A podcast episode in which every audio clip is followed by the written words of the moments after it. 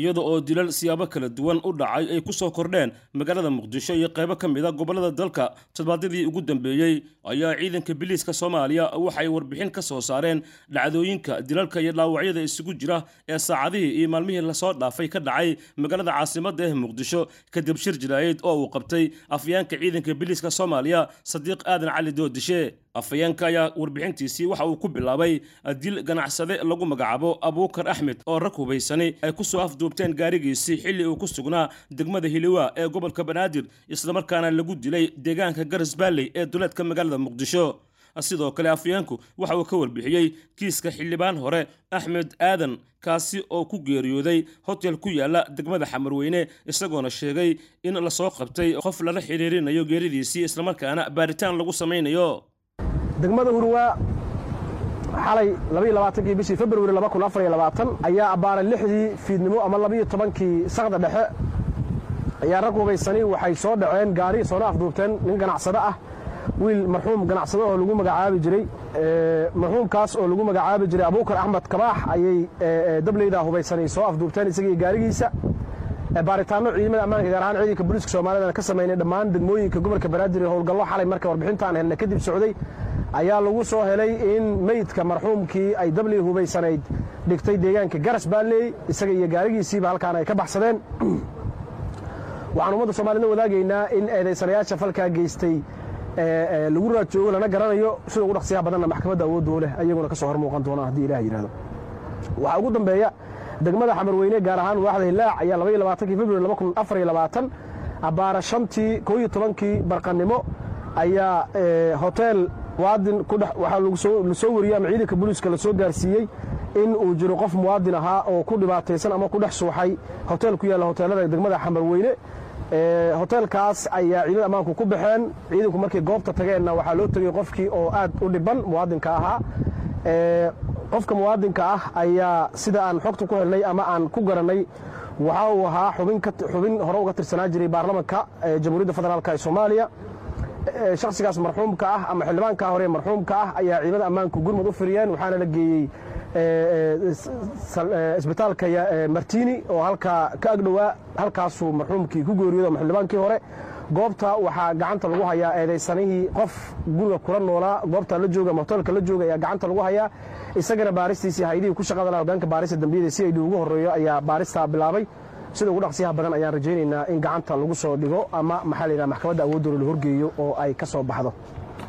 Bacdamaa eedaysanaha ee gacanta lagu hayo falkaas siduu yahay. Wax baarista la xiriirta ma sii sheegi karno hadda waxay noqon doonto laakiin bacdama ay baarista la xiriirto ayay ku soo bixi doontaa waxaasi sida ay ahaayeen iyo sababta waxaasi ay u dhaceen afhayeenka ciidanka biliiska ayaa dhanka kale waxa uu ka hadlay dilka sarkaalkii ka tirsanaa duulista rayidka ee cabdinaasir dahable kaasi oo allah u naxariiste meydkiisii laga helay gurigiisii oo ku yaalla gobolka banaadir iyadoona falkaasi loo qabtay ilaa iyo sagaal ruux sida afhayeenka uu sheegay baaristoodana iminka ay socoto. Degmada wadajir gaar ahaan waaxda janaal daa'uud taarikhdu markaa tobankii februari labiyo tobankii iyo soddon fiidnimo ayaa saldhigga la soo gaarsiiyey in warbixin qof muwaadin ah muwaadin soomaalida uu ku dhex geeriyooda gurigiisa oo meyd ah uu yaallo. Ciidamada ammaanka gaar ahaan saldhigga booliiska degmada wadajir halkaa ku baxay ayaa tegey goobtii warbixintu ay ka soo gaartay waxaana la helay meydka marxuum cabdinaasir. Marxuum lagu magacaabi jiray cabdinaasir muuse cabdiraxmaan oo ahaa xubin ka tirsan shaqaalaha hayadda duulista rayidka oo halkaa meydkiisa laga soo helay. Saldhigga booliiska degmada wadajir iyo ciidanka booliiska soomaaliyeed iyo hogaanka baarista dembiyada oo goobtaa ku baxay ayaa gaaray goobtii falka laga soo tebiyey waxaana gacanta lagu soo dhigay. Ilaa markaa waxaa gacanta lagu soo dhigay ilaa lix eedaysane oo ku eedaysan inay falka ku lug leeyihiin. Baaristooda ayaa hogaanka baarista dembiyadu u gudagalay waxaana socota baaris qoto dheer iyadoo dibna eedaysanayaal kale looga soo diray hadda oo nadan hadlayo kiiska waxaa u eedaysan oo u xidhan oo la tuhunsanayaal u ah ilaa sagaal xubnood oo isugu jira dadkii gurigaa deganaa. Ka agdhowaa asxaabadiisii dhammaan la deganaa. Baarista kiiskaas oo meel fiican maraysa ayaa hogaanka baarista dembiyadu wadaa walow eedaysanayaal kale dib ka soo bixi doonaan laakiin ilaa hadda waxaa loo hayaa sagaalkaa eedaysane baaristaasna sidaasay ku socotaa marxuumkana allah u naxariisto. Waxaan rajaynaynaa han weynna aan ka leenahay in eedaysanayaasha dhabtahay falkaas ku lug lahaa gacanta lagu soo dhigi doono si maxkamadda awoodda u leh loo horgeeyo. Sagaalkaa eedaysane waxaa laga yaaba eedaysano kale ay ku soo kordhaan. Hadba waxay ku xiran tahay sida baarista kiiskaasi ay hadba jihada ay yeelato ee dhankay u dhaqaaqdo. Laakiin baaristaasi meel fiicanay maraysaa. Haddana waxaa lagu jiraa baaristii qaybta baarista cilmiyeysan ee forensic science-ka oo lagu baarayo dhammaan wixii agaba exhibit oo halkaa laga soo helay.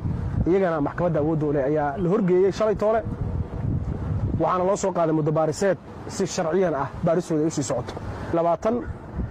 Labiyo tobankii iyo soddon fiidnimo ayaa saldhigga la soo gaarsiiyey in warbixin qof muwaadin ah muwaadin soomaalida uu ku dhex geeriyooday gurigiisa oo meyd ah uu yaallo. Ciidamada ammaanka gaar ahaan saldhigga booliiska degmada wadajiro halkaa ku baxay ayaa tegey goobtii warbixintu ay ka soo gaartay waxaana la helay meydka marxuum cabdinaasir marxuum lagu magacaabi jiray cabdinaasir muuse cabdiraxmaan oo ahaa xubin ka tirsan shaqaalaha hayadda duulista rayidka oo halkaa meydkiisa laga soo helay. Saldhigga booliiska degmada wadajir iyo ciidanka booliiska soomaaliyeed iyo hogaanka baarisa dembiyada oo goobtaa ku baxay ayaa gaaray goobtii falka laga soo tebiyey waxaana gacanta lagu soo dhigay ilaa markaa waxaa gacanta lagu soo dhigay ilaa lix eedaysane oo ku eedaysan inay falka ku lug leeyihiin. Baaristooda ayaa hogaanka baarista dembiyadu u gudagalay waxaana socota baaris qoto dheer iyadoo dibna eedaysanayaal kale looga soo diray hadda oo ladan hadlayo kiiska waxaa u eedaysan oo u xidhan oo la tuhunsanayaal u ah ilaa sagaal xubnood oo isugu jira dadkii gurigaa deganaa ka agdhowaa asxaabadiisii dhammaan la deganaa baarista kiiskaas oo meel fiican maraysa ayaa hogaanka baarista dembiyadu wadaa walow eedaysanayaal kale dib ka soo bixi doonaan laakiin ilaa hadda waxaa loo hayaa sagaalkaa eedaysane baaristaasna sidaasay ku socotaa marxuumkana allah u naxariisto. Waxaan rajaynaynaa han aan ka leenahay in eedaysanayaasha dhabtahay falkaas ku lug lahaa gacanta lagu soo dhigi doono si maxkamadda awoodda u leh loo horgeeyo. Sagaalkaa eedaysane waxaa laga yaaba eedaysano kale ay ku soo kordhaan. Hadba waxay ku xiran tahay sida baarista kiiskaasi ay hadba jihada ay yeelato ee dhankay u dhaqaaqdo.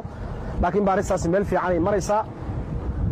Haddana waxaa lagu jiraa baaristii qaybta baarista cilmiyeysan ee forensic science-ka oo lagu baarayo dhammaan wixii agaba exhibit oo halkaa laga soo helay. Iyagana maxkamadda awoodda leh ayaa la horgeeyey shalay toole waxaana loo soo qaaday muddo baariseed si sharciyan ah baaristooda ay u sii socoto ugu dambayntii afyaanka ciidanka biliiska soomaaliya sadiiq dooddishe waxa uu sheegay in ilaa labaatan kiis oo shilal ah ay ka dhaceen magaalada caasimadda ee muqdisho iyo gobollada dalka. Toddobaadkani dhimashada laba ruux oo keliya ayuuna sheegay inay sababeen shilalkaasi halka sidoo kale sagaal ruux ay soo gaareen. Dhaawacyo halisa labiyo toban kalena dhaawacyo fudud ay soo gaareen. Ilaa iyo afar dembiile oo ay maxkamaduhu xukumeen ayuu sheegay in toddobaadkan loo gudbiyey xabsiga dhexe ee xamar halka la sii daayey ilaa iyo afar labaatan kale oo dembiye lagu waayey markaan u soo laabto nabadgelyada waddooyinka ama shiralka ka dhacay magaalada caasimadda ee muqdisho nawaaxigeediyo gobollada dalka guud ahaan dalka waxaa ka dhacay labaatan kiis oo shil ah oo siyaabo kala duwan u dhacay. Tirada dhimashada ay kiisaskaasi sababeen waa keli ah laba kiis. Inkastoo laba kiis laba qof oo dhimasho muwaadiniin soomaaliyeed aysan wax yar ahayn. Haddana marka loo fiiriyo labaatan kiis oo dalka ka dhacday laba kiis oo dhimasho ah ay sababeen waa arrin xusideeda mudan dhaawacyada uu gaarsiiyey ayaa dhaawac culus oo shilalkaasu reebeen ilaa sagaal kiis oo dhaawac culus ah labiyo toban kiis oo dhaawac fudud ah. Gaadiidka guud ahaan kiisaska ku lug yeeshay falalka kiisaska ku lug yeeshay walaa iyo afariyo toban kiis afariyo toban gaadiid ah oo gaadiid kala duwana ayaa falkaas ku lug yeeshay. Hogaanka baarista dembiyada gaar ahaan qaybta baarista oo ah qaybta u xil saaran ee dabagalka iyo baarista kiisaska waaweyn ee dalka ka dhaca ee asbuucii la soo dhaafay asbuucan hadda aan joogno maanta dabayaaqada oo gebagabada ah waxaa asbuuca baarista maxaabiistii ama eedaysanayaashii hore ugu jiray gacanta booliiska ku soo biiray ilaa sagaal iyo toban eedaysane oo cusub oo falalka duwan loo soo qabtay. Qaarkoodna kiisas hore u dhacay loo soo qabtay. Qaarkoodna kiisas hadda taagan oo baaristooda socoto. Kuwaan soo sheegnay ay ka mid yihiin ayaa gacanta loogu soo dhigay. Waxaa maxkamadda awoodda u lihi xukun ku riday oo loo gudbiyey xabsiga dhexe ilaa afar kiis waxaana afar eedaysane waxaana la sii daayey oo maxkamadda awoodda u lihi ay ku weysay dembi lana sii daayey ilaa afar iyo labaatan eedaysane oo ka mid ahaa eedaysanayaashii falalka noocaasa loo soo qabtay. Si kastaba ahaatee waxaa labadii bilood ee ugu dambeeyey magaalada muqdisho iyo gobollada dalka qaybo ka tirsan si aada ugu soo kordhayey kiisaska dilalka iyo shilalka gaar ahaan dilalka ay isu geystaan qoysaska iyo kuwo si arxandaro ah loogu geysto mas'uuliyiin ganacsato iyo dad shacabihii lamana oga waxa sababay dhacdooyinkan isdabajoogaihii oo bulshada soomaaliyeed ku reebay yaab iyo amakaag